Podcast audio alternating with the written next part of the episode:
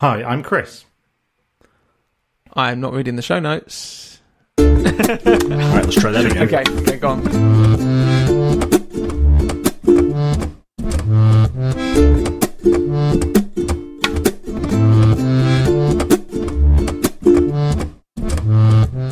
Hi, I'm Chris. I'm Ben. And I'm Jordan, and this is Fireside Swift. How's it going, Ben? How are you?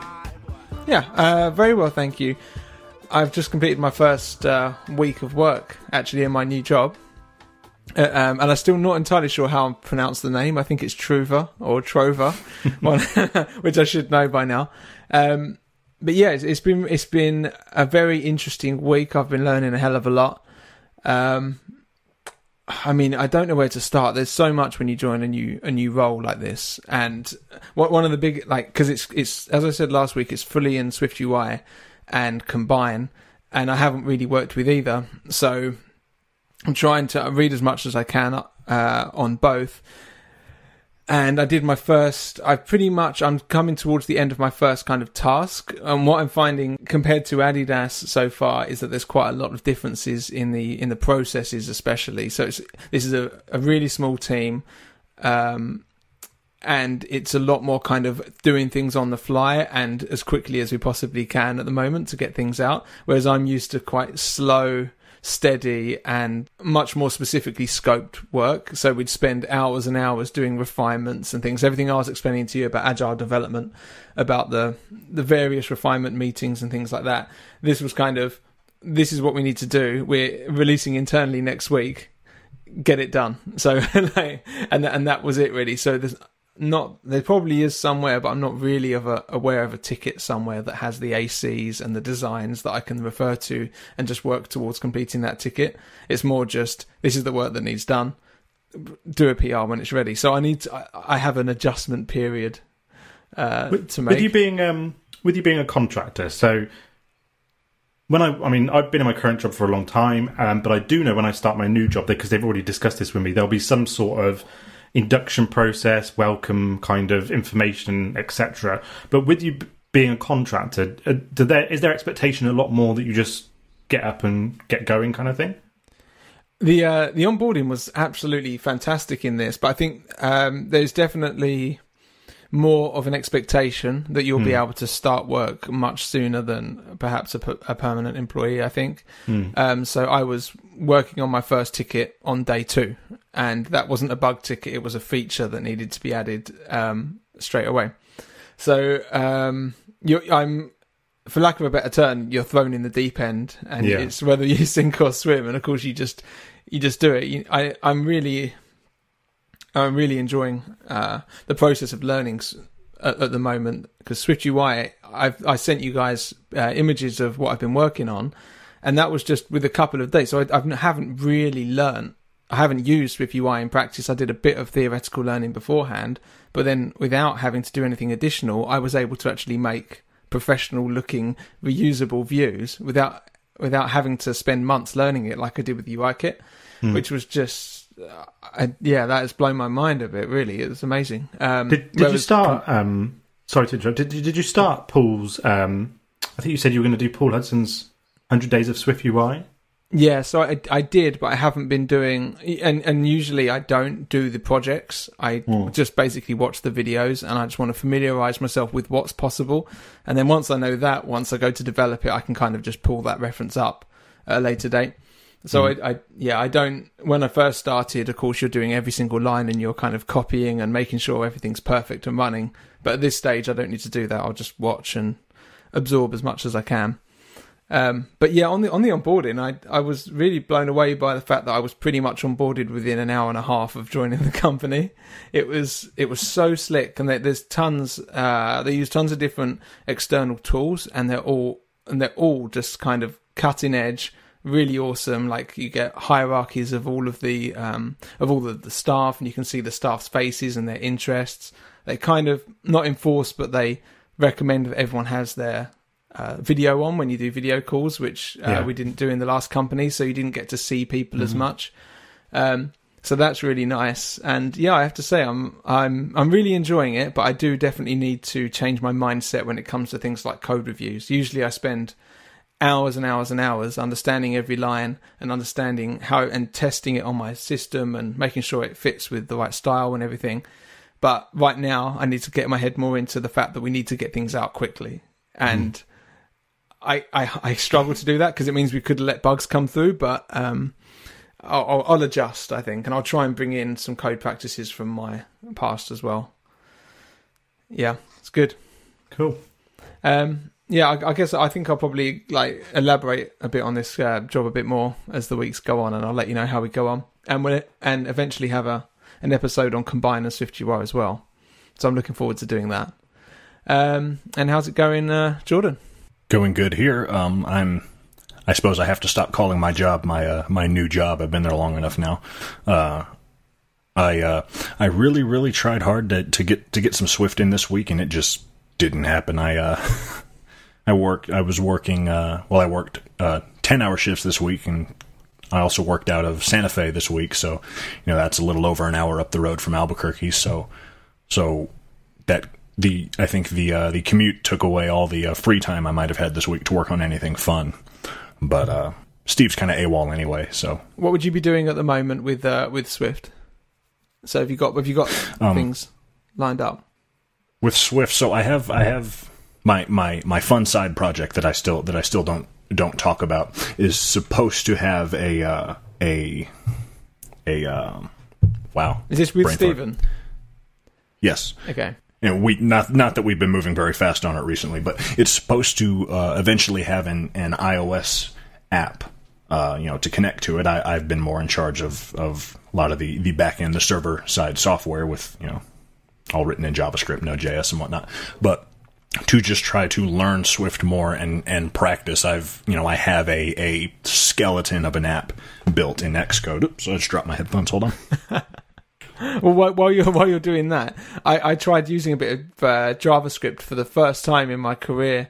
Uh, well, oh, how was it? I had to read. I had to read JavaScript because basically I'm cloning a feature that's on the website. So I was just getting, just basically stealing some logic. It was horrible. It was like it was probably worse than I could have imagined in terms of. I thought that I could read most languages quite competently. I, I feel like JavaScript is very easily human readable. Mm, yeah, well, yeah, but maybe not developer readable because I come from like, for uh. instance, I see. Um, yeah, I, am I'm, I'm curious. What what did you run into that was so difficult? So there was what looked like to be a lit, like an array of um, of something. I didn't know what type they were, but they were all equals false. Right, which leads you to believe that they're going to be bools, but they're not. they're actually uh, they were some view. That they weren't, but you were just setting views to be false because because it doesn't care. Uh, like it's not type safe. Yeah, when when when you said there was there was an array there full of you know something and and and you didn't know you didn't know what type of data it was. It, it doesn't really matter what what type of data it is. JavaScript kind of decides on the fly. Yeah, that's uh, that. It, there are ways if you need something to be a specific data type and stay a specific data type, you, you can you can write that in, but but um, JavaScript is not a uh, strictly typed language, and you can yeah, it it doesn't really care what types data is most of the time. Yeah, I think um, it's quite. Yeah, I ended up speaking to a friend of mine who's a uh, web developer, and I mentioned to him when the project was made, and it was in I think maybe 2017. And at that point, he was like, "Right, okay, I, I understand the problems you're having because these days most most most everyone kind of moves over to TypeScript, which I understand is a, a JavaScript very similar, but it has static." Um, not static types, but it's type it's, safe. It's, it's strictly typed, yeah. So, uh, yeah, I, I, luckily I was able to get some some help here and there from people, but I, I, I feel people's pain now. I understand the memes about JavaScript. Here's a here, here's oh yeah, there's lots of good JavaScript memes. here's a question in because I, I don't know this one off the top of my head. Since we're talking about arrays and JavaScript, in Swift, are you allowed to have different data types in the same array? Heter, uh, heterogeneous arrays. Yeah. I think is no, is that right? No, the yeah, I think so. Um, yes, you can. Yeah. Um, okay, cool. You can just have an array of any, for instance, but then good luck figuring out what, what type of each element is as you pull it out. Yeah, that that's the thing, isn't it? Like if you can put any sort of type in, then it introduces all sorts of problems. But I imagine there are people who are just used to it and have their own particular patterns. You know, you can do the same thing in Java. I, I can't think off the off the top of my head. I cannot think of a scenario where it would be a good idea to throw lots of different data types in the same array. It seems like it would be bad practice, but it is technically possible. Yeah, I think uh, yeah you can do but you can do um, risky practices in Swift as well. I think. And there generally seems to be a reason why sometimes you might need that as well. Yeah, yeah, I can imagine that there probably is a use case for it here or there. Some sort of strange edge case. So, um, so you were saying um, about this project that we uh, that then you dropped Oh yeah. mic. So it it it. I've been mostly you know working on on back end code written in you know written with Node.js, uh, writing a server and and an API for the app to eventually interact with. Um, the API is what I've been spending a lot of my time on when I've had time to work on this. But I do have a, a skeleton of an iOS app built in, in Xcode, and I, I keep meaning to to flesh it out and go in and try and try and add some features. I mean, I'm sure it'll be completely rewritten once once Steve and I really really hit that part of the project. But um, I just I, I keep telling myself like, oh, I'll I'll I'll get in there and I'll I'll add some I'll add some features to that, and I haven't. yeah, that, apparently, like Steve's notorious for this, isn't he? For, for having half baked projects. I think him, yeah, him and Zach were supposed to do something for for a long, long time. They kept mentioning it on the show, and it never happened as well. Yeah, we'll we'll let's let's pretend that that's a problem that's unique to Steve, and definitely not a problem I have too. I'm good with that. I think I'm noticing it's a problem in uh, in, in in any sort of creative endeavor. So I'm I'm surrounded by various woodworking projects, and one of them is the very first one I started, and I still haven't finished it. I've done various ones in between, but that's just been literally sitting on a shelf and half built. Oh yeah, I I get that. I have a uh, I have a a half finished um like an herb cutting knife that I was making for my wife. It was supposed to be I think her Christmas gift this last year. It's still half finished. How, how do you make a knife? What do you, what, uh, you, you heat up some metal stock and well you roughly grind it in shape first if you want and you heat up some metal stock and hit it with a hammer on an anvil and beat it into the shape that you want wait, And- are you serious? when you- do you, yeah do you have and then when you get then when you get really to the shape that you want you you know you use a file and a grinder to to polish it up and, and And sharpen have you got all those tools at home? yeah Oh, Well, you you say that as if it's completely normal. I don't think I've ever Mate, met well, I, anyone. I understand it's not completely normal, but it's not that abnormal either. No, I've got, I have, um, I have some. I mean, I don't have a fully built. I don't have a you know a huge workshop or anything, but I have some blacksmithing tools, and I've got a very nice uh, propane fueled forge and anvil, hammer, dunk tank. That's so that. cool. I don't think I've ever. that's amazing. Yeah. I want to see some pictures. Yeah, I want to see you. I'll, I'll see if I can dig it. it. It has that stuff has all been. It's been kind of boxed up and stored away since I've moved. I haven't. I haven't pulled it out since the move. Can you dress up as an elf and start like get Why on break I it do down? And, Always back to Lord of the Rings. it always is. Uh, yeah, half, half finished project projects. I'm sure no one listening to this uh, podcast has any idea what having half finished projects feels like. Yeah. But if you do, feel free to let us know on Twitter. Uh, anyway, enough about me. Chris, how have you been, bud? Um, I'm a bit sad, to be honest. Um, I'm really upset that um, Ben's comment was about his first week at work and not the fact that we met up for the very first time. What? You're looking very confused. Didn't we talk about that last week? No, we talked No. about meeting up. You, you, you talked about the fact that you guys were going to meet, and then a few days later, you, you sent Steve and I a bunch of bunch of pictures on, on Messenger. Oh well, over We to you recorded- then, Hef. Yeah, you're right. We haven't talked about it. yeah, we Right. we recorded a few days before. That was all. So um, no, no, no. We um, yeah, we met up, didn't we? So it was um, I think it was the day before the previous episode came out, um, and yeah, we went for a nice meal. Um, Amanda was there and Sally was there as well, and I thought it went. Re- re- it was really nice. I thought um, the food was nice. Um, ben treated me to his taste in red wine. I cannot remember for the life of me what it was called now. No, I can't. Um, well, I can't remember what one we had, but it was a, it was a delicious, uh, probably a Mendoza Malbec. Yes, that Yeah. was. It sounded about right. Yeah, but no, it was a, it was a really really good evening, and um, yeah, it was great to to meet you both, obviously too. So um, yeah, I think I put a picture on the tweet that I mentioned for the show last last two weeks ago. So I think that's why So I thought we wants to see mentioned that. it Yeah, Yeah. I think you're probably right. I'll let you off. Don't worry. um, otherwise, um, it's been quite a quiet couple of weeks, to be honest. But uh, I think I mentioned on the last show that we did. Um, I hadn't done any Swift since um, I'd been offered the job. I did open Xcode a couple of days ago, and I thought I better make some headway. So I think I briefly mentioned this before, but my my AdSense app, um, Google are depreciating the AP, the version of the API that I'm using, um, so I have to update that by the end of October. They've um, they've been giving me notice for the last 12 months or so, but it's just been on the back bench. So I've, I've just not been doing it. Um, and so I kind of feel like I have to, well, I guess I have to do it if I want users to still use the app. How are you supposed to implement an upgrade with only 12 months' notice? no, I know, I know. Um, I keep thinking, oh, yeah, I've got loads of time to do that, so much time to do that. Um, but obviously, time's ticking now. Um, what did you ask, Ben? Sorry? Oh yeah, when when when is the end date? I, bel I think it's 21st of October. Um, so I kind of thought to myself, well, at least I can try and get that done between now and starting the new job, and then hopefully let it run itself for some time at least. So, yeah, Have they given you and they've given you a new version of the API to use? Like how different is it? yeah. Um, so far, it's it's not too different. Um, I it, unfortunately, it's not.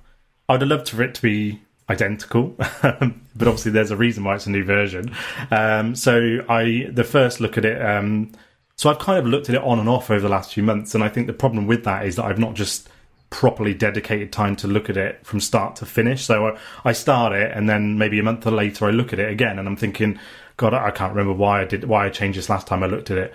Um, so um, so yeah, I know that some of the um, the models I need to change some of the models, for example, um, and some some of the other calls and things as well need to change. Obviously, the the, where it's calling needs to change as well. So um, it shouldn't. I think if I properly got my head down, you know, I could probably get it done in a week or so. Um, and again, that would obviously be you know in, in the evening times outside of work hours, but. Um, again, it's just finding the time to do that. So I, I, I, thought to myself I'd get going on that. So I did start that. Uh, it was only a few nights back, but um, at least it was it was nice to open Xcode again. Because, I, like I said, I, I literally hadn't even opened it for about three weeks now. So, um, so yeah, Oh wow. Well, um, I wanted to just yeah, I wanted to just comment on then um on on us meeting then. so it was it was it's so unusual to see someone in like 3D actual space. It's like that you only know from a 2D perspective. Did you find like I just found it's just odd to see people like taking up like being a certain size and things like that that you just maybe don't expect. are you commenting on my size here, Ben? You were uh, y- you were vertically challenged. No, no, yeah. I warned you before. no, we, yeah, I think we've got um, we've now got pictures of all of us together with, that we can chain Yeah. together. We've got Jordan and Stephen, me and Stephen, and myself and yourself. So we can. Uh, and we've got we've got you as the yeah the for scale reference. yes, yeah. So we could Photoshop us all together. I think I might do that when I get when I get bored Yeah. on, of a morning. I'll sit on the iPad and make that picture for us. But yeah, it was really nice to see you. We um, it was just good. It was a really nice uh restaurant in uh like kind of the heart of Bournemouth, wasn't it? I think. And Yeah. um, I think it ended up being quite a bit of money because we just we treated ourselves to the the best food that we wanted. Really nice wine. We even got a port at the end of the night, which I, I still need you to have. Like, I- I'd like you to try a decent port. So I'll get I'll get onto you about that at some point. Um, Yeah. yeah, it was re- it was really great to see you, and it's just such an unusual thing where Steve, Zach and Steve had the podcast, and we're both fans of the podcast. Then I became a guest, and then you and me, I was mentoring you, and now we're here, and then we're actually meeting in person with our wives, and it actually, and it and it went really well. I think we're kind of similar couples. You guys are just a couple of years ahead of us in having kids and bigger house Yeah. and things, so we're just following you, and it was. Yeah, it was it was really great. I enjoyed it, so I'm hoping we can do it again in the future. Yeah, absolutely. It'd be great to do it again. Yeah. Cool. Are we uh are we towards follow up now? Shall I go first with the follow up from last week, uh, from the last episode? So, um, the first piece of follow up we've got um, from Blind Power. Um, so, they're letting us know that they were hired as a React Native dev. Um, I think because, Ben, you mentioned on the last episode about React Native and Combine. and they said that um, I accidentally fell into that role. I started searching for jobs thinking I would do Swift, and that didn't happen. Now that I do React Native, I don't want to go back to native. Swift UI has made me understand React Native, and they're not that different. Jordan's disappeared, but Jordan, if you can hear me, um, I'm here. can you define React Native for us? Like, do you do you have any uh, experience with it? I have no experience with React Native, so React by it without the word native on it. React is a it's a it's a web framework. Um, I think Facebook actually built it. Um, it's a very popular, very powerful framework for building like dynamic websites, like single page applications. Real, real. I mean, think about websites that work and operate pretty slick, like like Facebook's interface, whatnot. I imagine Facebook is probably built in React. Um, React Native, as I understand it, is you know that, but but scaled down. I don't know if it's fair to say scaled down, but in in a a native application and not not in a web browser or a Chrome wrapper. But I have no experience with it. No, No. I have experience with React. I've built sites in React, but I haven't I haven't touched React Native. I, well, I don't know. I really don't know much about it. Have, have you got much experience with it either? No, I've got zero No. experience, so I, it, it doesn't mean much to me at all, unfortunately. So someone in the chat needs to give us some. So we have uh, someone said with my limited experience uh, with React Native, I didn't see much similarity with that and Swift UI. Ah, well, um, yeah, I mean, I don't understand. Maybe there's a similar syntax in terms of how you're defining the actual view side of things, but I don't know how the, the rest of the stack works. So I think that maybe that's something we need to kind of do an additional follow up where one of us has a look into React Native because I think it would be useful for one of us to understand it. I think maybe perhaps Stephen has an idea um, of it, but Let's ask Steve. Oh wait, yeah, Stephen, he, He can edit himself in. yeah. We keep saying this. Um, okay, so yeah, well, I mean, it's just great that there's that there's someone here that's got that has landed a job as a React Native developer and is perfectly happy doing it. So, so congratulations and uh, more power to you. I hope you don't stop listening to the show as a result of no longer doing native Swift development.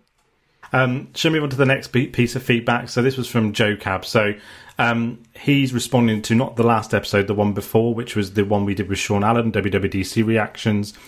Um, so he's saying that he just finally got to listen to this one, and he felt sorry for you, Ben.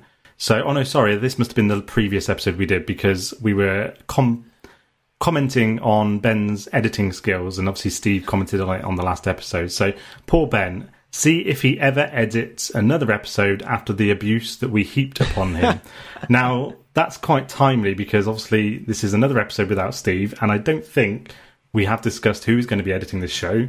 So, I we haven't really discussed who's going to be editing it. I bet it's going to be someone who already has uh, Logic Pro, though.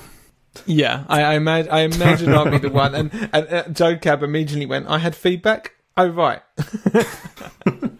Joe, you've always got fever. There's, there's, this is one I had to handpick.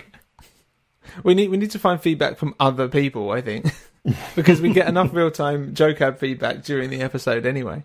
Yeah, I think um, we did have a lot of other feedback from a few other people that said they um, were very congratulatory to myself and also you, Ben, for finding new roles.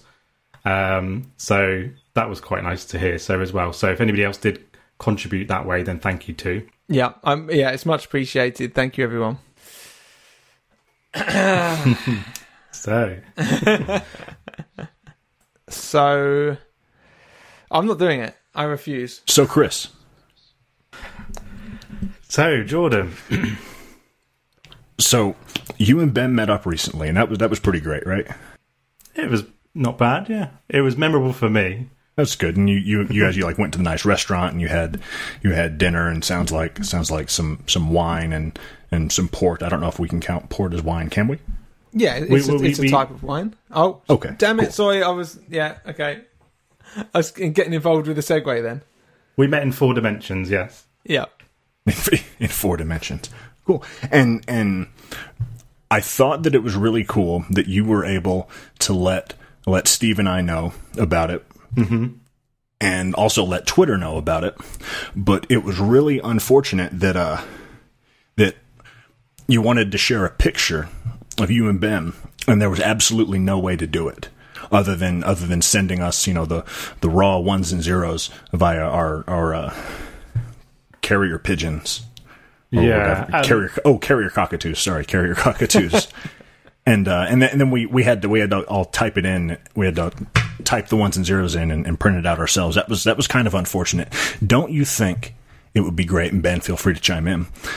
If if there were a way that we could we could take an image like that and just just show it like like on a on a TV screen or a computer screen. Well, we were quite lucky. I think there was. Uh, I don't. We weren't able to to get this to you yet. However, there was um, somebody there who did caricatures. So they used pen and paper, um, and they sketched uh, a picture um, of myself and and and and Ben, and um, we we we used the old carrier pigeons again. So I'm really surprised they've not reached you yet. So for anyone who hasn't figured it out yet, uh, today we're talking about uh, displaying data and images to users. And, and if anyone's on the Slack and like, do they or do they not want us to um, take out all the awkward silences in the segues? I think I'm probably going. I think I'm going to have to. So Well, didn't we say that the last one was not not the last episode, the previous one where it was uh, the, myself, you, and and um, and Sean that that was the most awkward segue. And I think Steve prefers it when they're more awkward.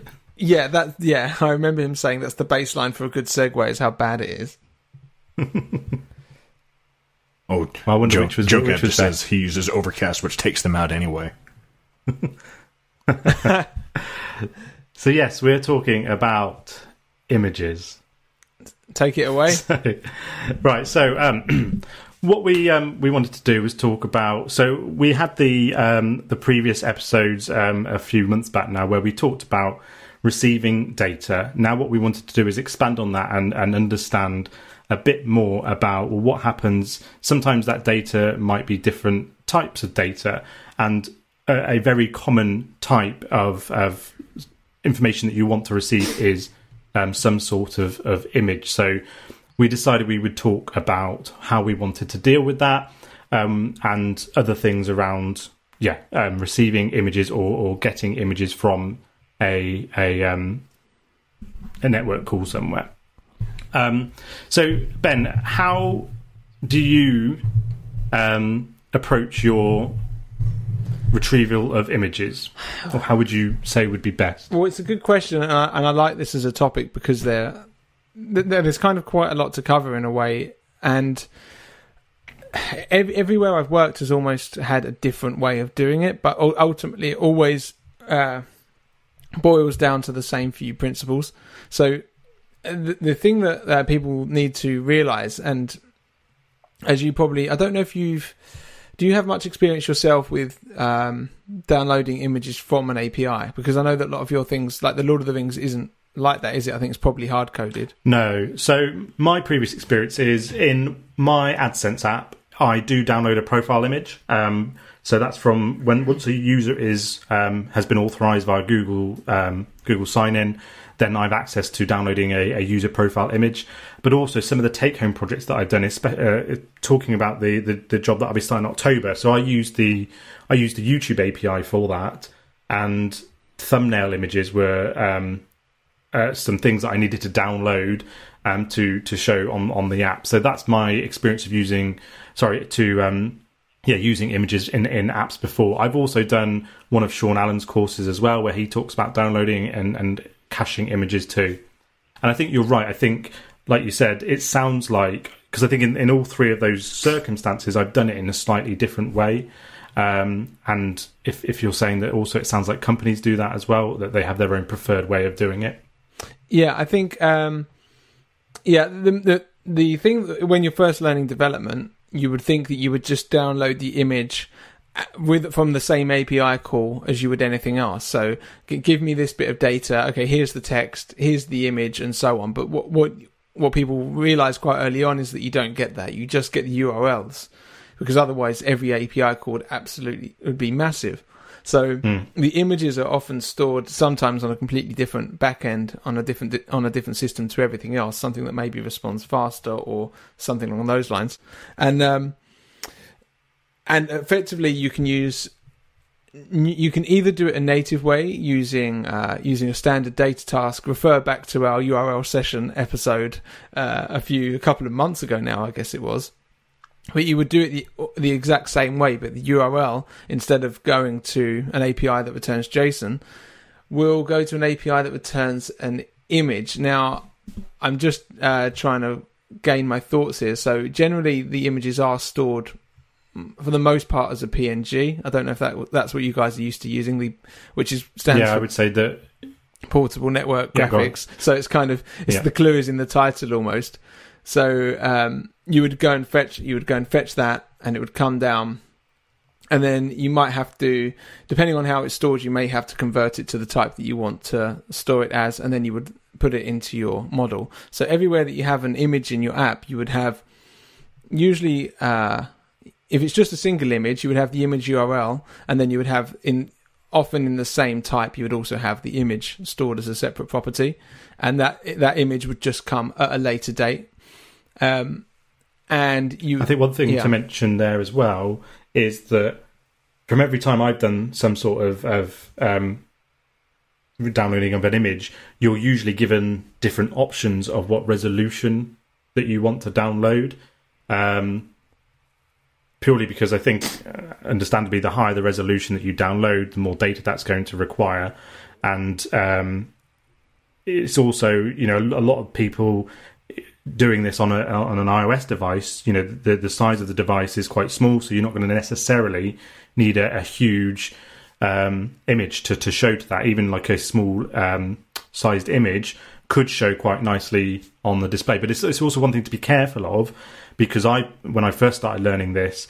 Um, I was downloading images, but they looked, you know, really pixelated, and that's because I didn't know at the time that I was downloading one version of it. But usually, there's different URLs that hit different resolutions of the same image.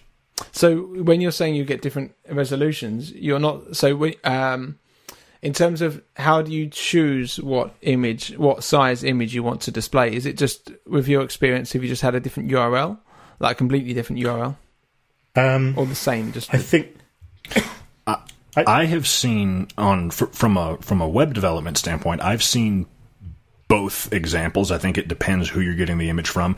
I've seen I've seen you know the same image at different levels of resolution stored at you know a slightly different URL.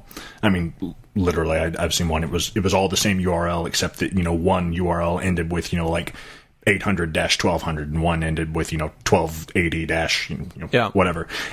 But then I've also worked with I've also worked with uh, APIs that you you specified what resolution that you wanted as one of the as one of the you know the rest param- one of the parameters that you passed across in your API call, and it would and it would return that particular resolution to you yeah. for So that particular copy of the image. that's what I was. That's what I. That was my first assumption of when Hev said that he was kind of choosing the resolution of the image that was coming in was that it would be a query parameter. So you would say, you know, it may maybe the key's size and the value is just the, the a resolution or something like that in terms of what you get back. Um, so yeah, I think yeah. So both of those do exist. Um, I'm trying to think. There's another. We use a system. Oh, it's annoying because I'm just because I'm brand new to this company. I can't remember the name of the system, but there are systems that you can use that kind of handle that for you, and it will provide a compressed uh, image depending on what you tell it to. So on the on the back end, as with most of these, they're probably one image stored, and then as you request it, it does the compression and send it to you, rather than it having every single possible version of the every every possible size all stored all at once onto uh, on the back end. I presume that never happens, and it's always just one stored image that they do a quick compression on before they send it down. Does that make sense? That would that would make sense to me. I think if I were if I were building a, a you know a large back end you know image storage and distribution um, repository, that's that's how I would want to do it. I wouldn't want to store the same image a bunch of different times. I would just store the the one we'll call it the full size version of the image, and then you know compress it on the fly. I know that when I've done this before, and I think I, I I'm trying to think, but I think it's the different URLs that I've used previously, and if I just bung that URL into a web browser, it would just display whatever version that you you've chosen. So if you'd gone for low res, then it will it would just show on the screen in the web browser low res version of that picture. So I don't know in that case whether again it's probably different people do different things or different companies do it store their data in different ways. Um, but I definitely know that when I've I've done it before, you, you put a low res Im- uh, URL in and you'll get a low res image display on the screen. But if you do high res, you'll get a nice high res version of it as well, which makes Yeah. me think that that's not being compressed. It's separate images. But I could be wrong. I could be wrong. I think you could you could do it either way. Yeah, I Hmm. think it depends on the on the company uh, and the kind of decisions that have been made. If you if you happen to know that, that your API only supports a thumbnail image and then a full scale image, then there's no reason not to just store those directly on the on the database. But when you have the option of just punching in a, uh, a a resolution that you want something to arrive in, and then maybe like a scale factor or something, then you definitely want to have the option of uh, dynamically changing it on the fly rather than storing thousands of, eh, or potentially an infinite amount of, of resolutions that you may be asking for. Um, but this is something that it's funny that we haven't really spoken about this before because it's probably something that every single iOS developer has to do at some point, and it's not always obvious what the best solution is to do it. Um, have either of you used any third-party libraries to download images yet? I, I've never. I've only ever done the first example that you gave, which was you you download it. Um, uh, so the way I've done it before is I've done an extension in, in UI image, which is um, it downloads um, from a link. That link is then converted. It's, it's a, accepts a string, converts it to URL, then does the download, and then returns it as an image. Um, so I've not used any third party libraries myself for images. I think um, it's becoming more. I think it's becoming less and less popular to uh, to actually use these libraries. More and more, I'm just seeing uh, like exactly what you say. Rather than creating lots of different um, replicated code of how to download something with a data task, you just make an extension on UI image. Or, or something like that, or, or it wouldn't be on the image itself. It would probably be on the UI image view, which then yes, yeah, it was. Yeah. and then and then I presume that that would then populate the image property of the image itself, and then maybe provide a callback or something like that. Um, the downsides for that, of course, is that you don't really have any. Uh, like, like, how would did you have to think about how you were going to handle caching on the front end with that? Um, so I have done that previously, but this is from um, this has one. This was from one of Sean Allen's courses, um, but you can do it within the call itself. Um, so the way that I dealt with caching through his course is that um, you'd create a dictionary um, of um, NS cache. Um, so NS cache would then take. Um, it would have two um, parameters there. One would be a a key value, which would be a string, and the other would be a, an object, in this case, a UI image object. And then when you do the download itself, you can just do a check to see if you've already got a value for that key. Um, so if you've already got a, key, a value, a UI image for that key, the key that you've already set, or if you haven't set it yet, then obviously it would then do the download task, and then it would set that um, that key for you and and save it to the cache. And would this be like um thinking about where the caching would actually uh, be? So Mm. would it be part of if it's an extension you can't have you can't add stored properties to an extension on, on, on a type so i Mm. guess i presume it would be a stored property so you'd end up using your extension on the image view in in the view in a view controller effectively itself but then also every view controller would have to have its own cache to keep track of its own images that I have been don't downloaded think the the way that this has been done. I don't think this is an extension on UI image view. Um, I can't remember. I'd have to have a have, have a look. Um, but yeah, I, I can't. I don't think that it's an extension on UI image view. This would be kind of a separate, um, separate Yeah, like a- function yeah. elsewhere. So it's basically you've Yeah. got your own little framework in there, a little an, an object like a service that that you can use at any point. You just create an instance of that service, or a, probably Yeah. a shared instance of the service, so that that way that's- eh, that way the cache is kind of global. And if you use the same image in different screens, you would use the same cache, and you'd yeah, you wouldn't have to keep downloading from the same URL. Um, yeah. yeah. I think one thing to mention, I was looking at NS Cache um, yesterday when I was looking at the show notes. Um, so it saves the it, it caches it to memory. Um, however, um, if the memory is needed elsewhere by other applications, um, it's the device will, will will possibly remove it from the cache. So it kind of decides what is required. You know, so you know if something is taking considerably more memory, it might remove it from the cache, for example. That's interesting. And you don't have control over that. I think it sets its the way that it's worded on on the Apple Docs is it sets its or its own auto eviction policy. Oh, I'm having a look at it now as well. I haven't used NS Cache in a long time actually, um, which potentially brings us on to our next uh, the next thing we want to talk about in terms of image downloading. So, Jordan, Oh, I was I was gonna say I've I've been looking forward to this episode because I, I kind of wanted to uh, to compare and contrast a little how uh, how you know a Swift uh, an iOS developer would you know display store download cat download cache an image versus how how I do it because, because as soon as we as soon as we decided this is what the episode was going to be about like oh how do we just how do we download and, and display an image to the user like my first thought was well as a as as a web developer I think loading downloading and displaying an image to the user is about the second easiest thing you can do after you know displaying text to the user right? it's it's it's very very simple it's a very very simple thing to do to do in a web page and and I realized it was something I hadn't even thought about. Um, but in my case for for most things that that I would do I don't have to think about caching because web pages are viewed through web browsers and web browsers handle caching on their own. Yeah. that is that is not something I I have I have to think about. Like if you know if someone loads my web page you know their browser decides if it's gonna if it's gonna you know cache my images or not.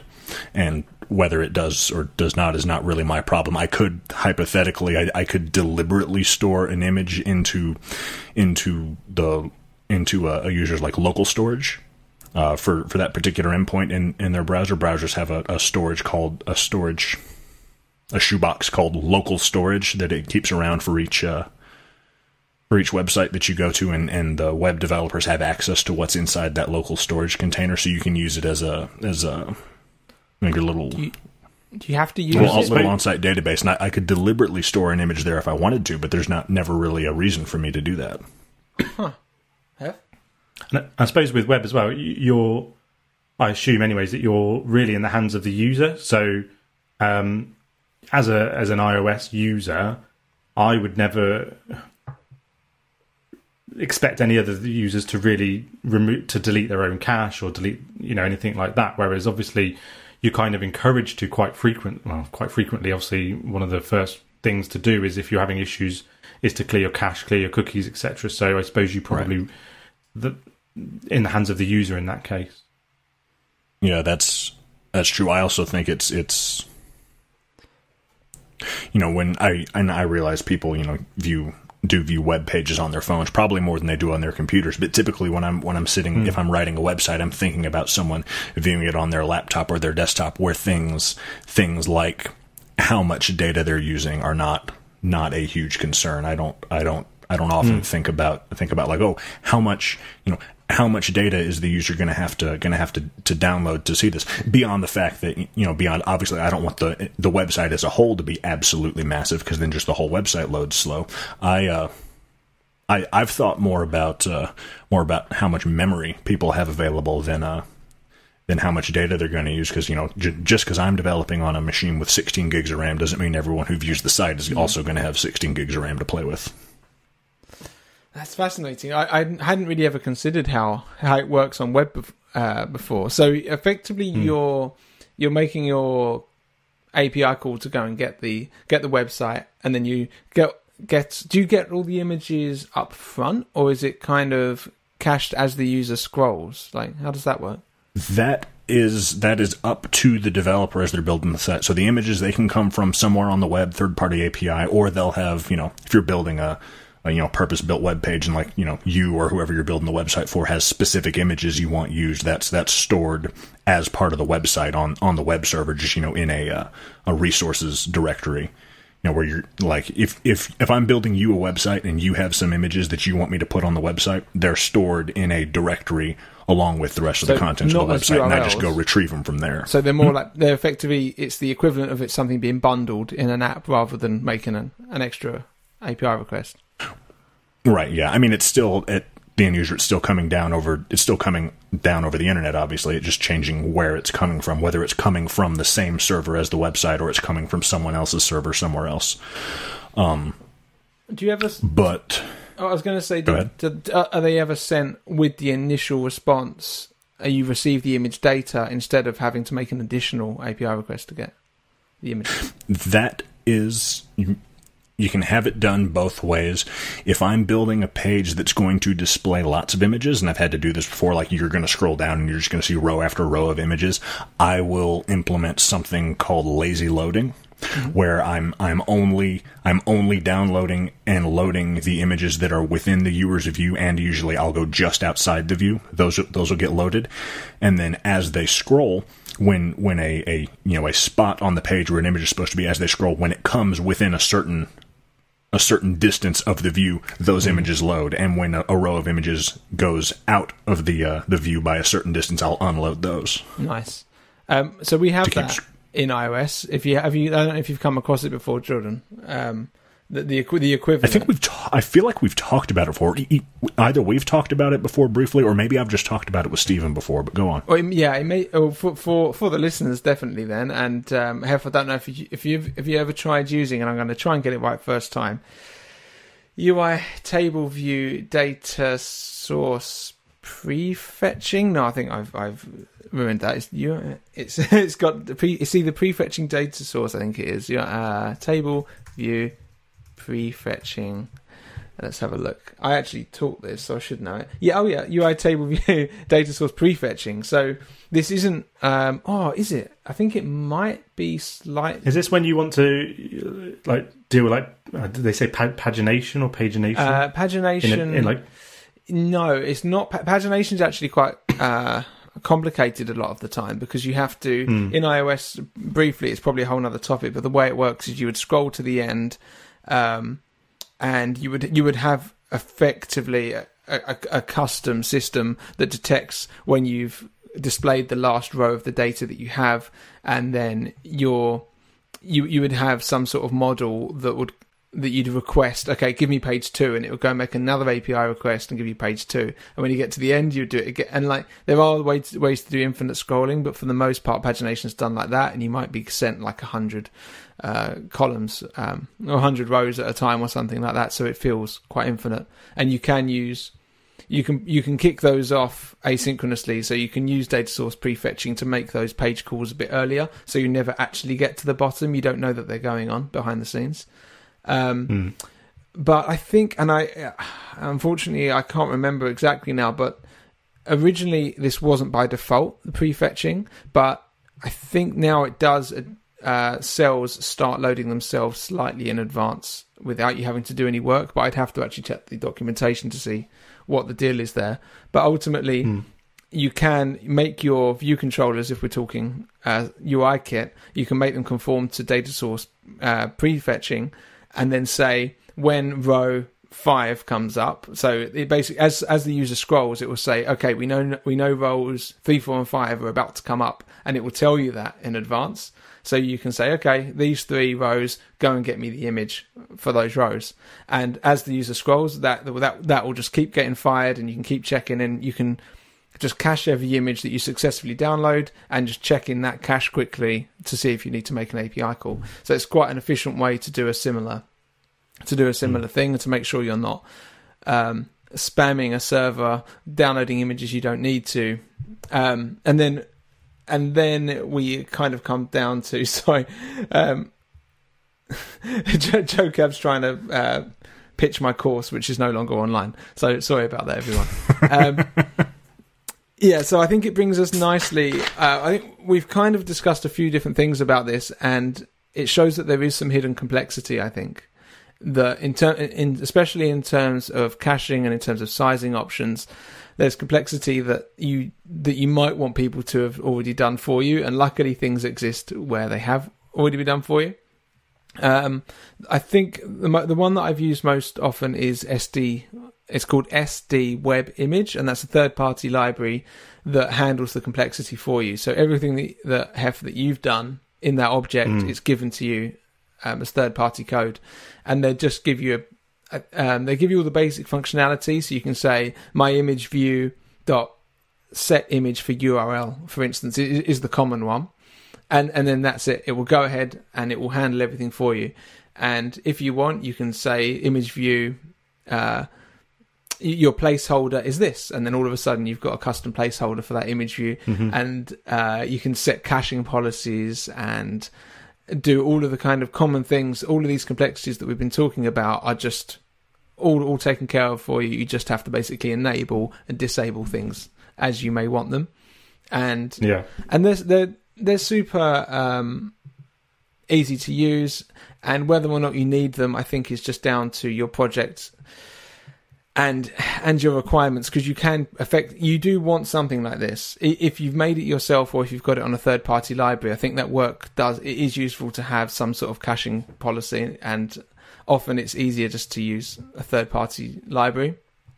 Um, but if you're experienced enough and you and you know how to make them yourself then it is also useful. The idea that you shouldn't have code in your project that you're not willing to maintain yourself kind of kicks in. If if you're a good enough developer where you can have it yourself and you know every line of code, then any bugs that come up you can fix yourself and you don't have to rely on anyone else.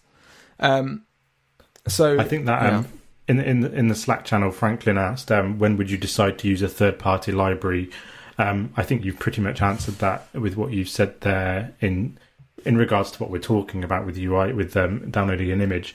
Um, it's it's it's yeah, I guess it's the same question for anything that you're doing, isn't it? It's it, you know, there's a lot of things that you can do natively in in Swift or you could just use a third party library to make your life maybe maybe easier at the time but then that that framework may not be um, maintained so then you know a couple of releases later something may may break that you're not sure how to fix so there's, there's arguments for and against i think for a lot of um, third part when to use third party libraries and when not to use third party libraries um, and again i think that's almost a whole other topic it's, itself as well yeah, I think so. I, I uh, I'm going to go through and th- and I apologise for this maybe in advance, but I think it might be useful if I tell you the features of a common iOS library.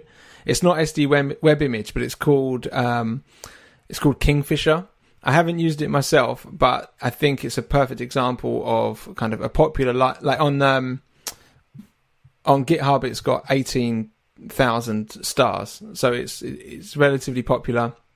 And uh, someone's oh there you go, Franklin's just sent us a link to Kingfisher. So I apologise, Franklin. I'm going to have a read of the features, and then you can kind of understand the sort of power that you get from these things. So you obviously get uh, asynchronous image downloading and caching, and it says that it's URL. Well, it actually says loading image image from an, either a URL session based networking or a local provided data. Oh, okay, so you can use this with with your bundled image as well. But it has processors uh, and filters. It has prefetching built in. It's, it adds extensions to image view, NS image view, button, UI button. So that means you can on your button say, "Give me the it, I want it to be this image for the URL." Customized placeholder, built-in transitions, low data mode support, Swift UI support, uh, image extensible image processing and image format easily. Okay, well that needs to be redone. Maybe I'll contribute to that readme.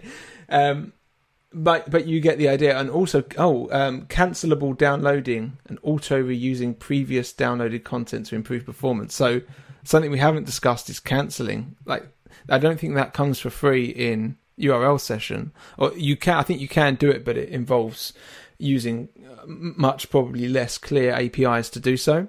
So if you're downloading a big image and you maybe just the user backs up and you no longer need it, there's there's an API here to say cancel this now and it will go and cancel that request. So you you get so much from these, and I think uh, I we're not at the point yet in my company where we may need it, but I think something like this, I would argue, is probably useful in most uh, in most apps, and you just and they're all very similar. I think SD Web, Web Image and Kingfisher, and there are a hand there are lots of others to choose from, but Those two are the main ones. Mhm. Um, yeah, cho- choose them and uh, use them whenever you feel like uh, you want to reduce complexity a bit. Um, does that bring us on to the latest Swift? yeah, I change. think so. Yeah, um, I think you should talk about this, Ben, because I I've have talked, I've spoken enough. one less week. but this is Swift UI, right? Uh, yes, but I haven't touched this. so, so we're all kind of in, in the dark a little bit on um, on what we're about to talk about. So we were talk, we were going to talk about async image. So this is part of the this is part of the new um, API that was announced in uh, WWDC, wasn't it? I think. Yeah, Um,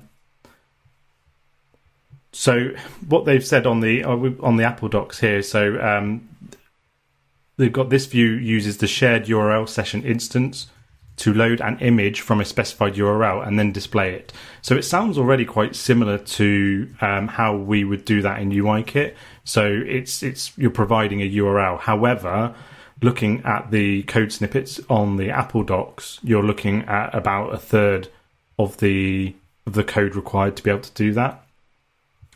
Um, one thing I think also that Swift UI is good at, uh, also I've seen and also I've used Swift UI a small bit on some widget um, widgets that I've done. Um, it's quite good at providing default placeholders as well. So whilst you're trying to download an image, um, it will it would it would show a placeholder, and I think also again similar to widgets before the data actually loads and it's not this is not just unique to to, to images this could be for, for text as well it will it will try and show some form of placeholder which when i say placeholder it's usually i'm sure you can set your own. However usually it's some form of maybe a light gray um, square or, or circle whatever size you, you you've kind of used for your image there. Um, and yeah, you can. There's also functionality functionality to make the image um, resizable or not. Um, you can also obviously set the the frame of that image too as part of the async image request. I'm looking. Is there any other? I'm trying to understand what phases are. It has it has an enum called uh, async image phase in it. The the current phase of the asynchronous image loading operation. So all I can presume is that's effectively your progress. Your, your cases are the image is no image loaded, uh, an image is successfully loaded, or it's failed to load with an error. So you wouldn't be able to get the process the um, progress from that. That's a strange API. So I need to I need, we'll need to have a look at this. I think. Yeah, there's an async image phase part of the documentation here, and it says SwiftUI calls the closure with a phase value at different points during the load operation to indicate the current state. And then it says that if you use the phase to decide what to draw, so it must be some sort of, like you said, visual indication um, to the user um, as to where they are in the download process. Yeah, it seems to be, but if you, it looks very basic. I mean, compared to what we've just been looking at Hmm. with Kingfisher, th- this is literally fouled. Uh, is, uh, sorry, I'll go, back to it. Uh, failed success empty. So, I mean, yeah, okay. So if it's empty, you show your placeholder. If it's if it's fouled, you show your error placeholder, and if it's succeeded, you put it on. So that doesn't give you a, any kind of uh, scope for progress or anything like that. But I guess it is useful. Those are the main three states that you would have. Progress downloaders aren't that common for images, I guess. Like on WhatsApp, while it's downloading, you just have the little square with the arrow for a second, which is infuriating, by the way, because no one else needs to do it. Um, don't get me started on WhatsApp. Um, yeah, so it has that placeholder for a moment, and then you get to see the, the sticker or the image that's been sent. So I guess these are your common uses. I think having a progress indicator is, is has become become less and less important Mm. as as you know internet speeds, both you know regular broadband and mobile, have become fast enough that no one, or I shouldn't say no one, but the majority of people who are going to be using an, an, an app an app like that are, are probably I not think- waiting an you're right, extraordinary amount of time for an um, image to download. ex- that probably explains this this relatively, I guess, clean API. Um, and yeah, async image is is what we've dis- we've actually discussed this the last two weeks in a row. I think in terms of what its capabilities are, because on the face of it, there's no caching, and um, I'm, I'm again. I'm going to search the documentation for cache, and nothing's coming up.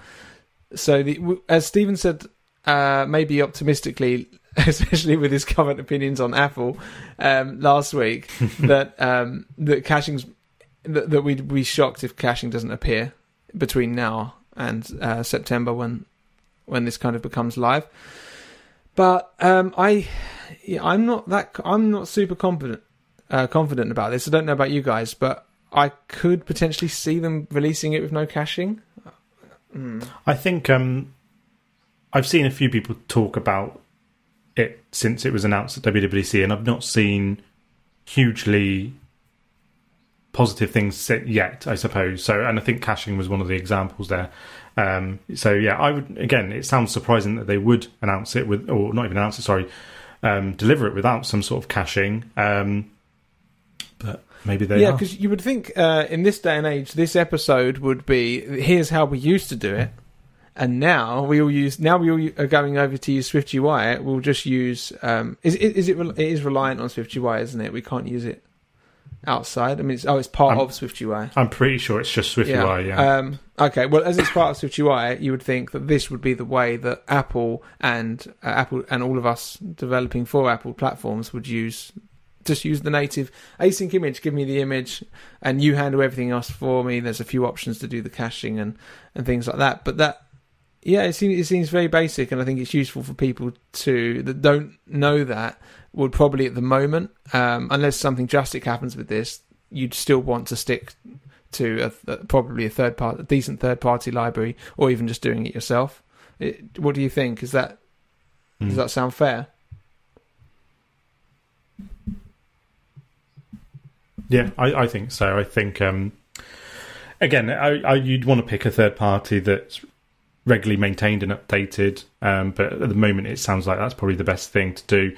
Um, on our Slack channel, Eero, I think we said earlier, it's Eero. Um, he's said that he will be using async image soon. Um, so I've just said, let us know how you get on. It'd be really great to hear how you get on with using that. Um, just to hear how somebody's actually got on with it. Because none of us are getting on with it anytime soon. No, almost, almost definitely No, not. no, no. Um, yeah, it's uh, yeah, it's it's an interesting one because this is what I would probably. I haven't had to do any image downloading yet, but this is probably what I would have used had it not been for these open questions. Which, although I don't actually, do you guys? Even, I don't actually know how to check. Oh yes, I do. um, it says right at the top here that the availability is iOS 15 plus, Mm. so and that it's in beta. So okay, I I, I think we're supporting um, 14 plus my current, or maybe no, I think even th- I can't remember 14 plus. I think so. I wouldn't be able Mm. to use it for another year or so anyway. Um, so maybe by then they plan on uh, updating it a bit more. But yeah, fingers crossed we can just. I, I mean, they're kind of Sherlock. Like they, they may end up just completely Sherlocking all of the popular third-party libraries, but um, yeah, they're not making any money out of maintaining them anyway. So I think I think it's fine to do Wait, hold on. You you just you just used a phrase there. I don't know. Sherlocking. Yeah, Uh, Hef, explain that. does Hef know what I'm talking about? Yeah, no, no, I've I've heard of the term before. Um, I think the best example is um, there used to be an app you could use um, that would use um, your iPad as a external monitor, and it would use it via via Bluetooth, and um, you connect it to your Mac. Um, however, when Apple announced Sidecar, it, it essentially Sherlocked their whole business because they were obviously charging for this this product. I think it was relatively I say relatively expensive. It was it was probably worth the, the value, but obviously because Apple have now incorporated that into once their OS. once Sidecar became a thing, that that that app went from being useful to useless overnight. I, I read a really interesting article. The reason I give that example is because I, I read a really interesting article article from the from the developers of that app, um, saying that they were they were watching WWDC. Obviously, probably as excited as most other other developers are when watching WWDC, and their whole business was obviously it was unexpected, and their whole business was wiped out from under their feet. So it was really interesting about how they dealt with that, and um, how they how a company then moves on from that. And obviously, the, I can't remember what the company uh, do, but they they've branched out into other areas as well now. Yeah, Joe Cab on uh, on the the Slack channel is, is impressed that I'm going to say you guys uh, know a term that's almost older than you are. Yeah, um, I've actually uh, I, I couldn't remember the specifics of, of why it, why it was called that, and I quickly looked it up, and it is quite a, it's quite a fun story. But the reason we know it is because Apple effectively willfully Sherlock's things every single year, and and things that um, like for instance, I don't know if Dark Skies is a good example yet, but they bought it, they closed down the Android app, and now they've made a new weather app that does, I think, probably similar dark sky features. Although, as someone pointed out, there's still no weather app on the iPad. Um, but I'm not bitter, but I haven't found a good one yet. Um, so basically, what happened was um, they used to have A- Apple had uh, before Spotlight, they had a system called Sherlock, and Sherlock gave you these kind of rudimentary searches throughout the system.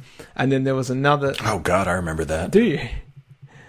I Yeah. I I don't remember a time before Sherlock, but I didn't uh, Sherlock before um, Spotlight. Well, I, I, I'm when I say I, when I say I, I remember Sherlock, I, I think I remember it like like as a when I was a child. My my dad's computer that he had in his office was one of the first the first iMacs, the big bulbous, colorful one with the ti- with the little CRT monitor in the middle, and came with that horrible round one button mouse. And I I, I think I dimly remember remember Sherlock being on that machine, the Sherlock feature. I really, I think Yeah. um, so. So well, the, the the story goes that um, that Sherlock was ba- was mainly just uh, local, so you can look for contacts and you can look for files, and then um, someone else had the idea and had and released some software called Watson that also allowed you to search for um, like throughout the web and things and web results. And then by the time Mac OS 10 came along, Sherlock like they had Spotlight or even Sherlock was updated to do all of that functionality that Watson did. So therefore, why would you ever have Watson? Because Spotlight did everything for you. Um, or even the latest version of, I guess it was at the time still called Sherlock when it did it. Um, and yeah, so I appreciate. Uh, was Joe Cabs having an absolute meltdown on the Slack? Sorry, Dark Dark Sky is closing down end of next year. Uh, d- d- Joe Cab, do you mean for Android or for iOS? I think it's already not available for Android. I think as soon as Apple bought it, they took it from the App Store, uh, from the Google, the equivalent on the Android phone. Yeah, I guess it, it, that's it. That's an even more. That's not even Sherlocking, is it? Because they just bought the company and shut it down. It's not like they just copied the functionality and then the other company was useless. It's kind of like it's almost like an AirTag situation where here's a proprietary AirTag thing. It, we're building it into our system better than you could ever want to do. Good luck. Good luck with your company. Uh, yeah, so it's uh, it, it's inevitable. I think if someone has a good idea, Apple often it Well, can be done better within within the system. So it's it's it's it's kind of an understandable practice, as unfortunate as it is. Mm. Play Store equals App Store. Apparently, Ah, Play Store. I don't know what that means. Um, Oh, because I was I wasn't sure of Oh, the, well, the Android. Oh, App right. Store, yeah, the, the the Android version is called the Play Store. have you never had an Android? I've never. Had I was an. Android like hardcore for quite some time, and and Windows. So was Steve, I think. Wasn't He? Yeah. I yeah, I, I was too. This the the iPhone the iPhone 11 I'm using right now is my f- first iPhone. wow. I was Really? I- Wow. yeah, I was all I was Android from the uh, my my first smartphone that the original the Motorola Droid Wow. with the with the slide out keyboard. I was Android up until I got this phone. I want to say maybe a year ago. Oh wow. Yeah, yeah. You were. T- I remember speaking to you when, when you were still kind of getting used to, or you explained to us about the difference in text capture and highlighting and all of that sort of thing. Yeah. Oh yeah, we did, we did talk. You know, I guess it hasn't been a year yet because I think I I got this phone maybe towards the end of last year because I I hadn't had it long when we when we started up season two of this podcast, but but I had still had it for a few months maybe. So I got it toward the end of last Wow. year. Well, welcome. Oh, gee, thanks. I hope, I hope you're enjoying it. They're not. They're not too bad, are they? um, so, um, right. Well, we've covered async image. Uh, it, it- there's not. There really isn't too much to cover about that. Um, and then we've covered third-party libraries. You can do it manually if you want. You can just make you can make a whole new API call and and data task of URL session every time if you want also, and um, but don't do that. And I think that's I think that's probably it covered. Do you guys th- think of anything else that we haven't covered? And anyone in the Slack channel, let us know as well. But I think we've been relatively thorough with it. I, I can't think of anything right now. I am sure the next time the that all four of us together, Stephen is going to point out some big glaring omission uh, that we should have talked about in this episode. uh, Stephen, feel free to text me about that when you listen to Yeah, this. yeah. I mean, he should be. I know he's away at the moment, but he should be listening to the show.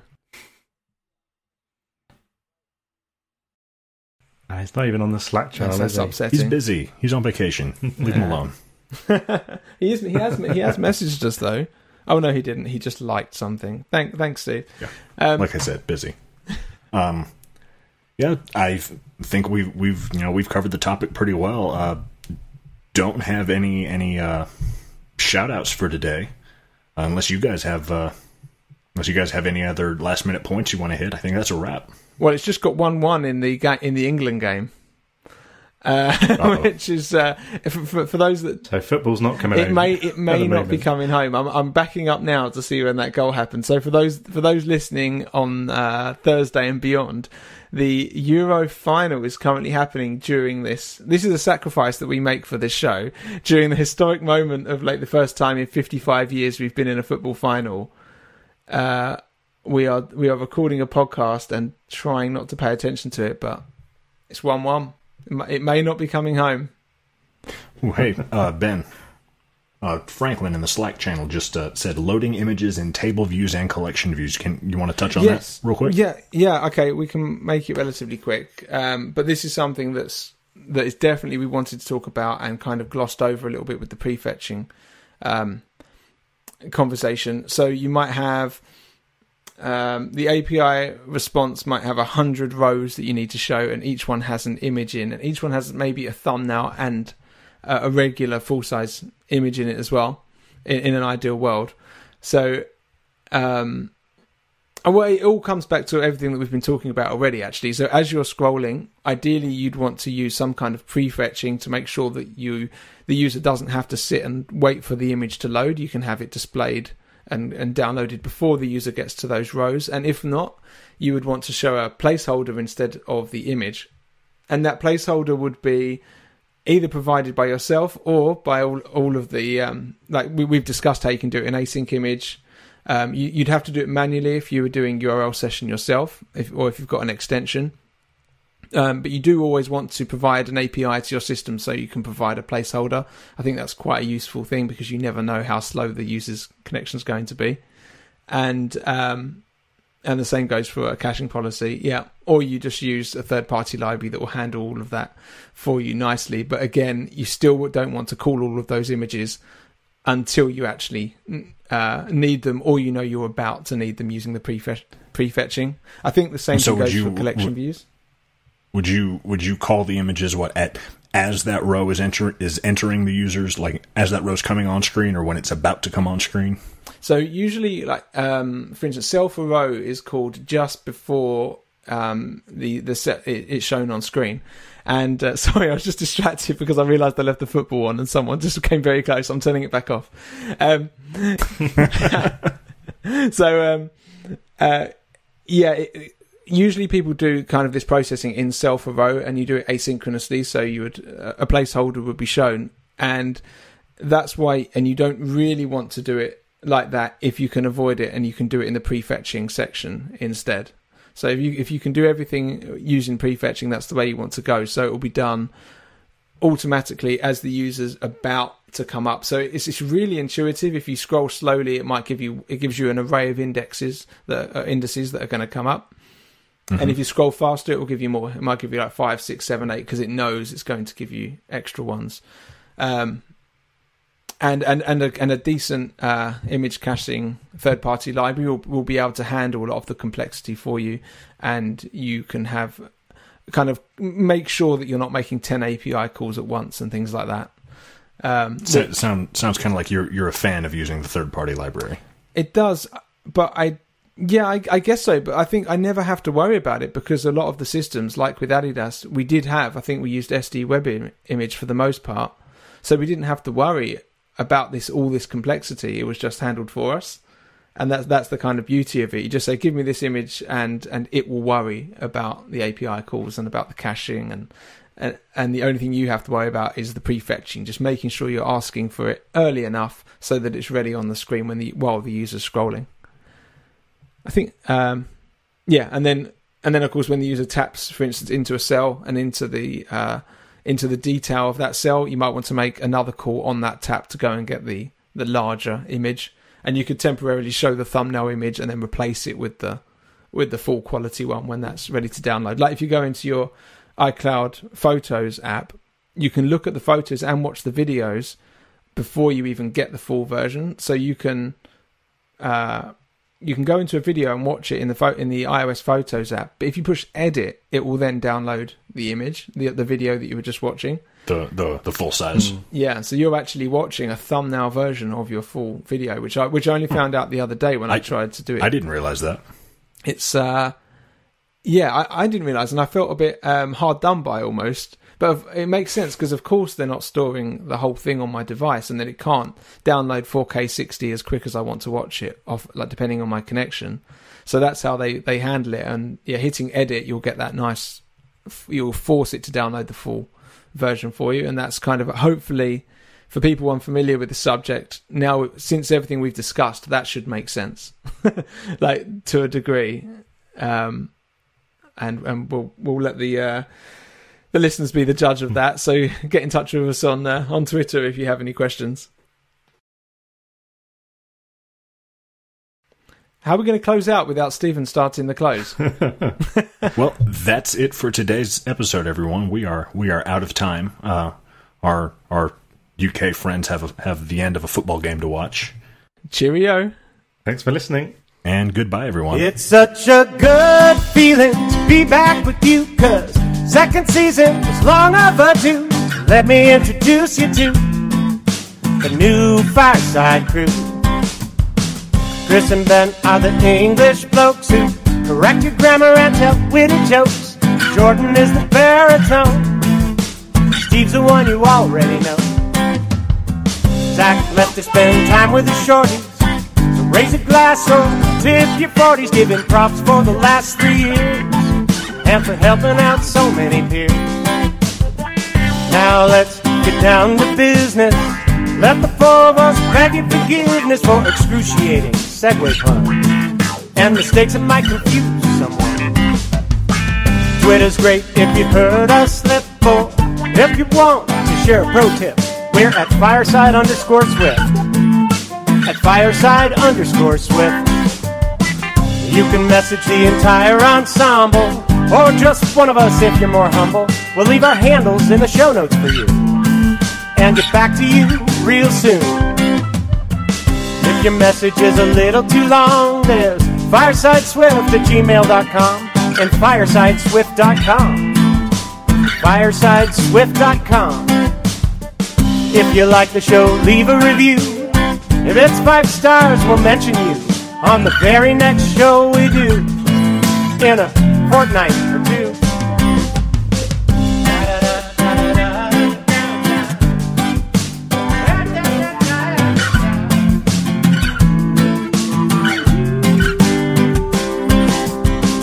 I've been I've been trying to catch up on sleep. I worked a long uh, week this last week. I I I'm s- switching schedules, so I worked uh, worked a four ten last week, so I could keep two days off in a row before I go back on. A four a four ten. Four ten, four ten hour days instead of five eight hour days. Oh right. Yeah, I kind of like that idea.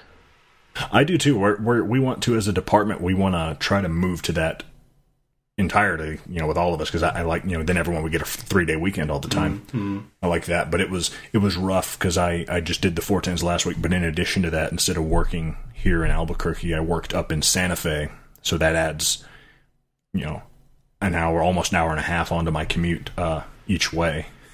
Ooh. So it was because Santa Santa Fe is like an hour up the road from Albuquerque, hour up the highway. Yeah. Um, so yeah, so I, I was I was leaving my house at 7:30 a.m. and getting home at 9:30 p.m. That was fun. Wow, jeez, it's a long old day.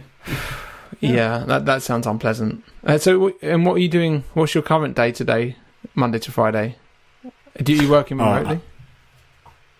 I'm not working remotely, working on site. I was doing my schedule was Tuesday through Saturday, and I'm moving to Monday to Friday. So I did. I worked four tens Tuesday through Friday this last week, so I could keep two days off in a row, Saturday, Sunday, before I go back in on Monday. yeah, So is a standard working day forty hours? Uh, you mean not week? forty hours in a day. yes, I mean, sorry. Yeah.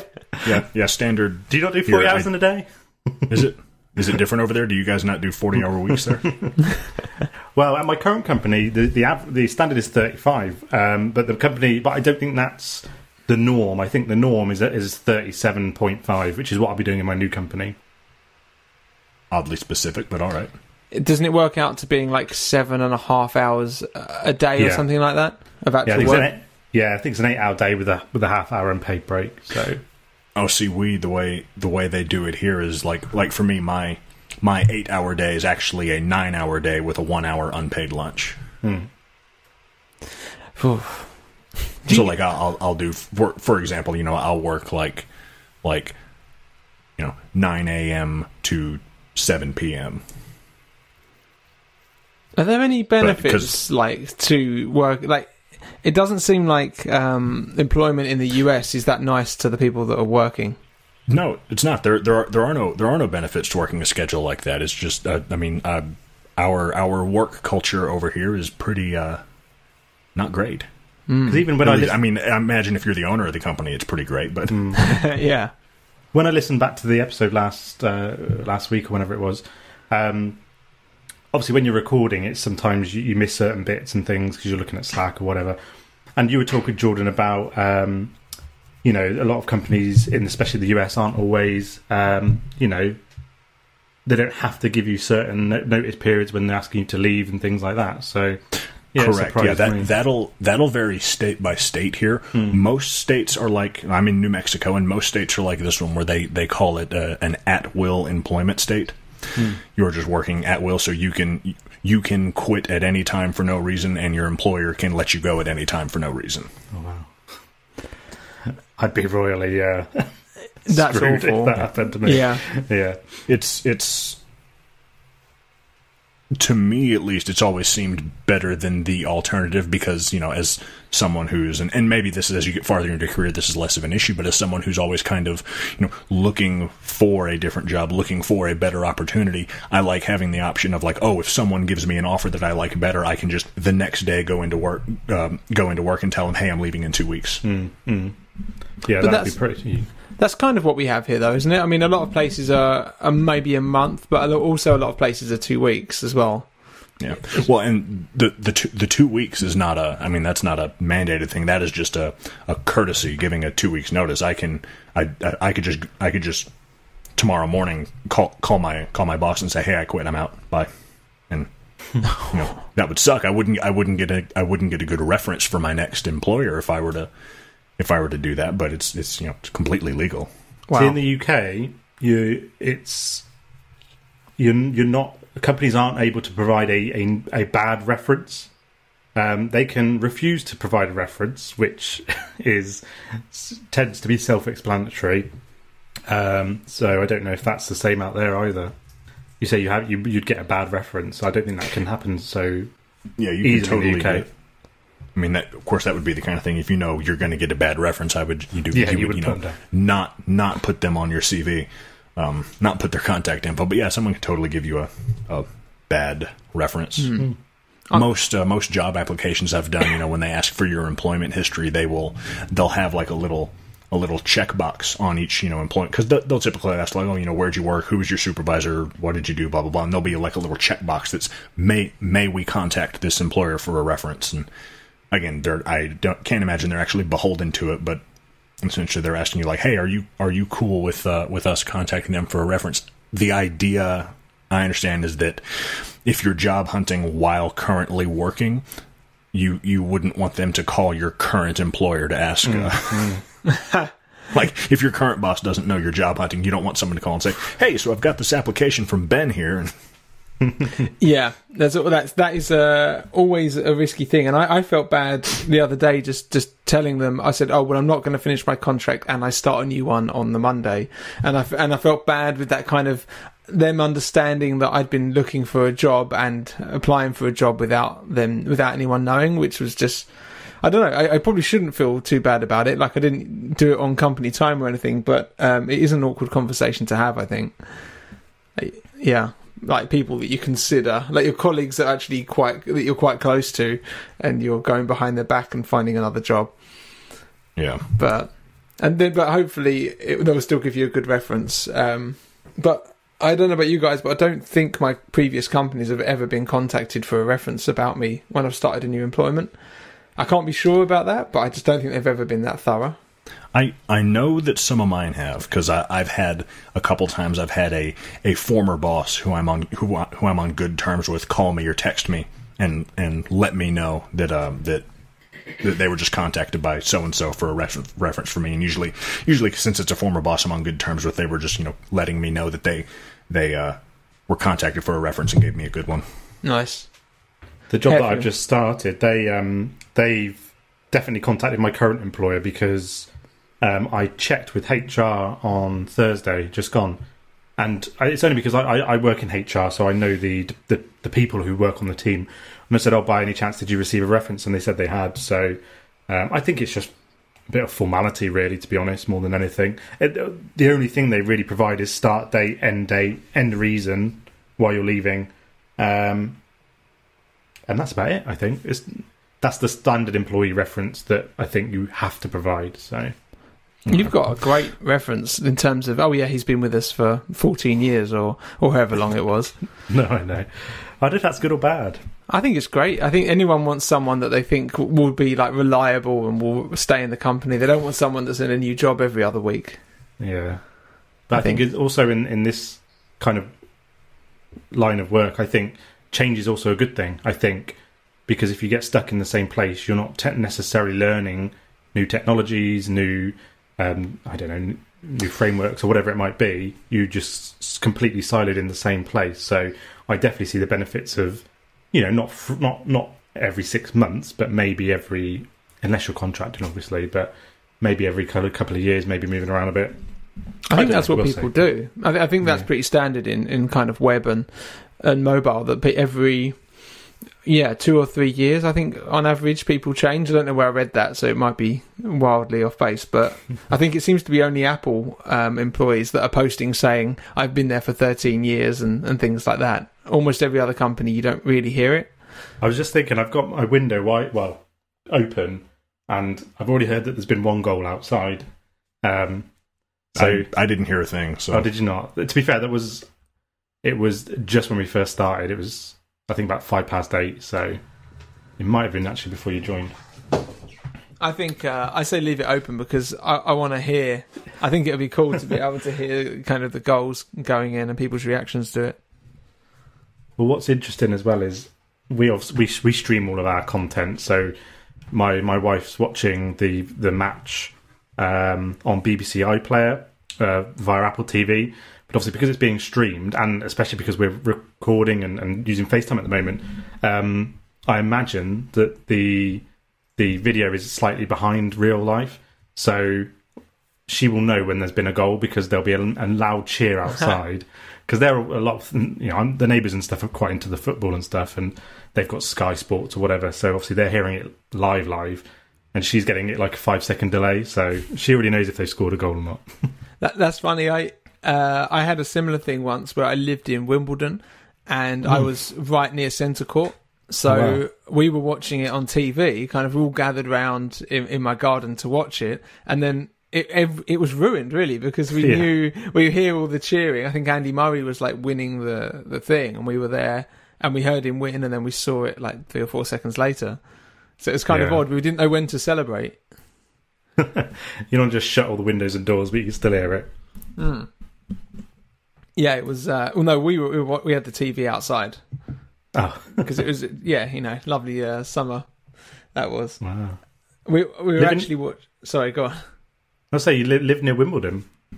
Yeah, I was, posh. I, I was living kind of when I was working in London. I was living in Wimbledon, near Wimbledon Common. Hmm. Um, and it was yeah, it was amazing. Really beautiful place to live. Like I, I have, I, I was able to leave my bike unlocked in my front garden. I mean, my house was kind of out of the way, but I never locked it up because there was just no reason to. I, I cannot Yeah. imagine super, doing super that. nice. I mean, e- even where you are, I imagine everyone knows everyone where you are. Uh, not in Albuquerque. Albuquerque is a fairly large city, at least by New Mexico standards. Oh, oh, right, yeah. I forget you're there. I always imagine you're right out in the sticks. No, with that's nothing I, but empty roads in every direction. I, I used to be, but that hadn't been for a while. I mean, I mean, I'm I'm on the outside of town. I'm in a relatively rural, you know, agricultural area. But I mean, I can get on Second Street and be in downtown Albuquerque in 15 minutes. Oh, My really only nice. my only knowledge of Albuquerque is: Have either of you seen the film Little Miss Sunshine? Yes. yes, yeah, very I good. don't know how accurate. I, I I think it was the. I quite like that film, and I can't remember if the competition was in Albuquerque or they were from Albuquerque. I can't remember, but it looked like a nice place. I always thought it'd be nice, quite nice. I think you can do like a Little Miss Sunshine road trip or something, and yeah. I wondered if Jordan was going to expect you to say Breaking Bad. That's that. I, I was. I didn't think of Breaking Bad. I, I actually thought you were going to go the uh, Looney Tunes route and say the only thing you knew about Albuquerque is that Bugs Bunny once missed a left turn here. Oh, really? What is it? A signpost or something in the? Are you I don't serious? Are you that. being serious I don't right know now? that reference. Yeah, I don't know. What's the what is what is that reference? I don't get the reference either. Do you, oh, you guys know what Bugs Bu- who Bugs God. Bunny is, right? Yeah, yeah, we know who Bugs. Well, I know who Bugs Bunny is. the the cartoon, the old Looney Tunes cartoon. There was it was a pretty Yeah. pretty common phrase he would he would drop at like the start of one of his cartoons he would he would show you know he'd be tunneling and he'd pop up from underground and and and look around and he wasn't where he was expected he wasn't where he he was expecting to be and he'd pull a map out of his hole and look at it and he and he'd say I knew I should have taken that left turn at Albuquerque it was like a pretty common thing he would say Absolutely. remember that at all. Yeah, I don't remember that. I need to look that up. I think maybe And, all um, the people from Albuquerque know it better than anyone else. Mm, maybe Claim to fame. And one last thing, I've never watched Breaking Bad. You probably should. I It's, feel like- it's. I mean, here Yeah. it's obviously a little cliche here, but it is a pretty darn good TV show. I think it's, It's- is it supposed to be the highest rated? I mean, highest rated obviously is you know. Um, I think on IMDb it's one of the highest rated TV shows ever. Yeah, It's it's the best TV show I've ever seen. Like like, Yeah. like hands down. I've seen it maybe six or seven times through. it's on. Yeah, It's fantastic. I highly recommend it. There's like there's very few uh, masterpieces in TV. I think Breaking Bad's one of them. The Morning Show is another, and Chernobyl is the other. And there's almost nothing else in my in my eyes. Like those three just stand out above everything else and make make everything else just look low rent to a certain degree. yeah. No, it's on. our- It's on Amanda's and I and my um, list of TV to watch. We did. We did just finish um, Parks and Recreation that's a good uh, one. last night. Yeah, that was quite good. Um, it got better. I, I think it started slowly, but it got better as as it progressed.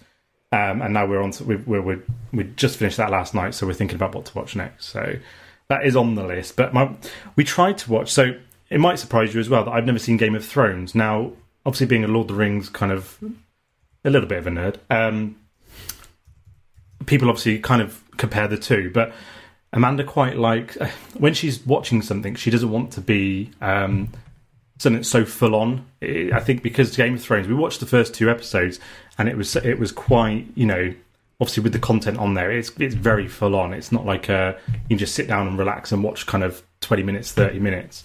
Um, but I've read the first book of um, Game of Thrones, so I do keep thinking to myself, and I enjoyed it.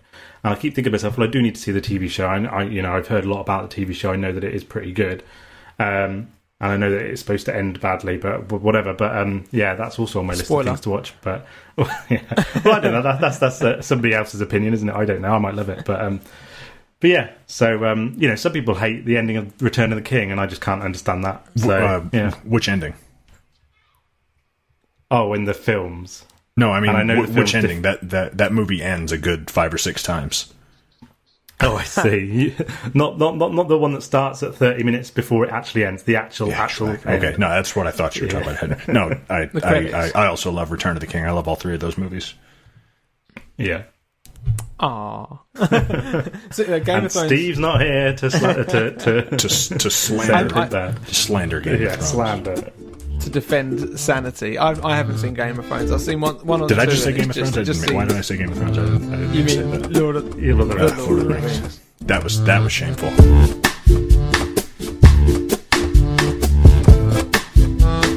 Ding. That's for that's for Mr. Mc- McSwiftface. Ah, boy.